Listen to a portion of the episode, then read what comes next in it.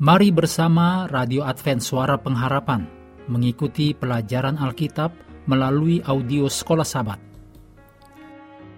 Pendengar yang dikasihi Tuhan, di momen 10 hari berdoa 2024, Anda dapat menyampaikan permohonan doa dan juga mengikuti program ini di channel AWR Indonesia. Ikuti informasi lengkapnya di akhir pelajaran ini.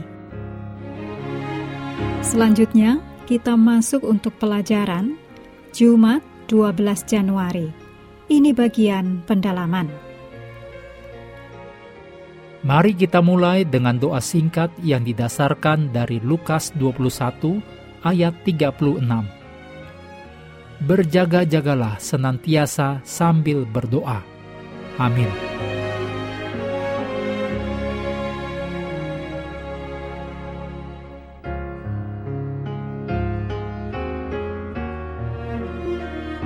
Anda silahkan membaca Mazmur 42 ayat 9 dan juga tulisan Ellen G. White yang judulnya Puisi dan Nyanyian dari halaman 145 sampai 153 dalam buku Membina Pendidikan Sejati.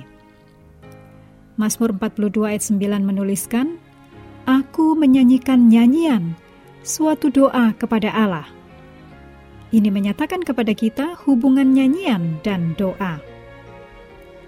Helen G. White menggambarkan Mazmur penyesalan Daud di dalam Mazmur 51 sebagai bahasa jiwa Daud dan doa-doa yang mengilustrasikan sifat kesedihan sejati atas dosa.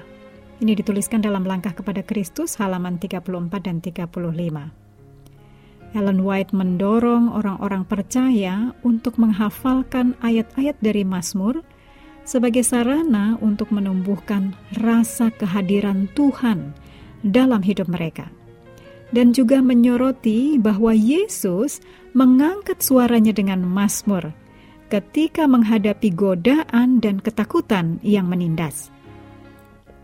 Ellen G. Juga mengatakan dalam membina pendidikan sejati halaman 145 sampai 154. Betapa sering dengan kata-kata dalam nyanyian kudus, terungkaplah dalam jiwa benih pertobatan dan iman, pengharapan dan kasih, serta sukacita. Sesungguhnya, banyak nyanyian merupakan doa. Ketika kita berdoa dan menyanyikan kitab Mazmur, kita mengambil kegigihan, keberanian, dan pengharapan para pemazmur Masmur-masmur ini mendorong kita untuk melanjutkan perjalanan rohani kita dan menghibur kita bahwa kita tidak sendirian. Orang lain seperti kita telah melewati masa-masa kelam, namun menang oleh kasih karunia Allah. Pada saat yang sama, Kitab Mazmur mengungkapkan kepada kita sekilas perantaraan Kristus yang sungguh-sungguh untuk kita – karena Kristus selalu berdoa bagi kita. Demikian ditulis dalam Ibrani 7 ayat 25.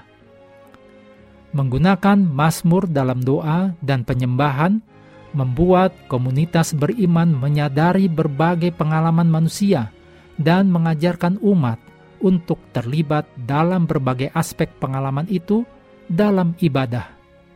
Mazmur adalah doa dan lagu ilahi manusia. Oleh karena itu, memasukkan Mazmur secara konsisten dalam ibadah membawa komunitas beriman ke pusat kehendak Tuhan dan rahmat penyembuhan yang berkuasa. Berikut hal-hal untuk diskusi. Yang pertama, diskusikan bahwa doa yang spontan dan tidak terarah bukan satu-satunya cara untuk berdoa. Kehidupan doa kita bisa mendapat manfaat dari Mazmur yang berisi doa-doa Alkitabiah. Yang kedua, Mazmur memperkaya pengalaman doa umum kita. Diskusikan beberapa cara yang dipraktekkan gereja setempat yang dapat mendorong penggunaan Mazmur dalam kebaktiannya. Yang ketiga, diskusikan bahwa Mazmur mengungkapkan kerumitan pengembaraan iman manusia dan kuasa anugerah kesembuhan Allah. Mengakhiri pelajaran hari ini, mari kembali ke ayat hafalan dalam Lukas 11 ayat 1. Pada suatu kali, Yesus sedang berdoa di salah satu tempat. Ketika ia berhenti berdoa, berkatalah seorang dari murid-muridnya kepadanya, Tuhan, ajarlah kami berdoa, sama seperti yang diajarkan Yohanes kepada murid-muridnya. Informasi program 10 hari berdoa dilaksanakan di YouTube channel AWR Indonesia mulai 10 Januari. Untuk menyampaikan permohonan doa, silahkan kontak 0821 1061 1595 untuk SMS dan telepon atau admin WhatsApp dan Telegram 0816 1188 302. Dapat juga Anda menulis di kolom komentar Facebook Group, Facebook Page, dan YouTube AWR Indonesia. Bacaan Alkitab sedunia, percayalah kepada nabi-nabinya. Untuk hari ini melanjutkan dari Yesaya 50. Tuhan memberkati kita semua.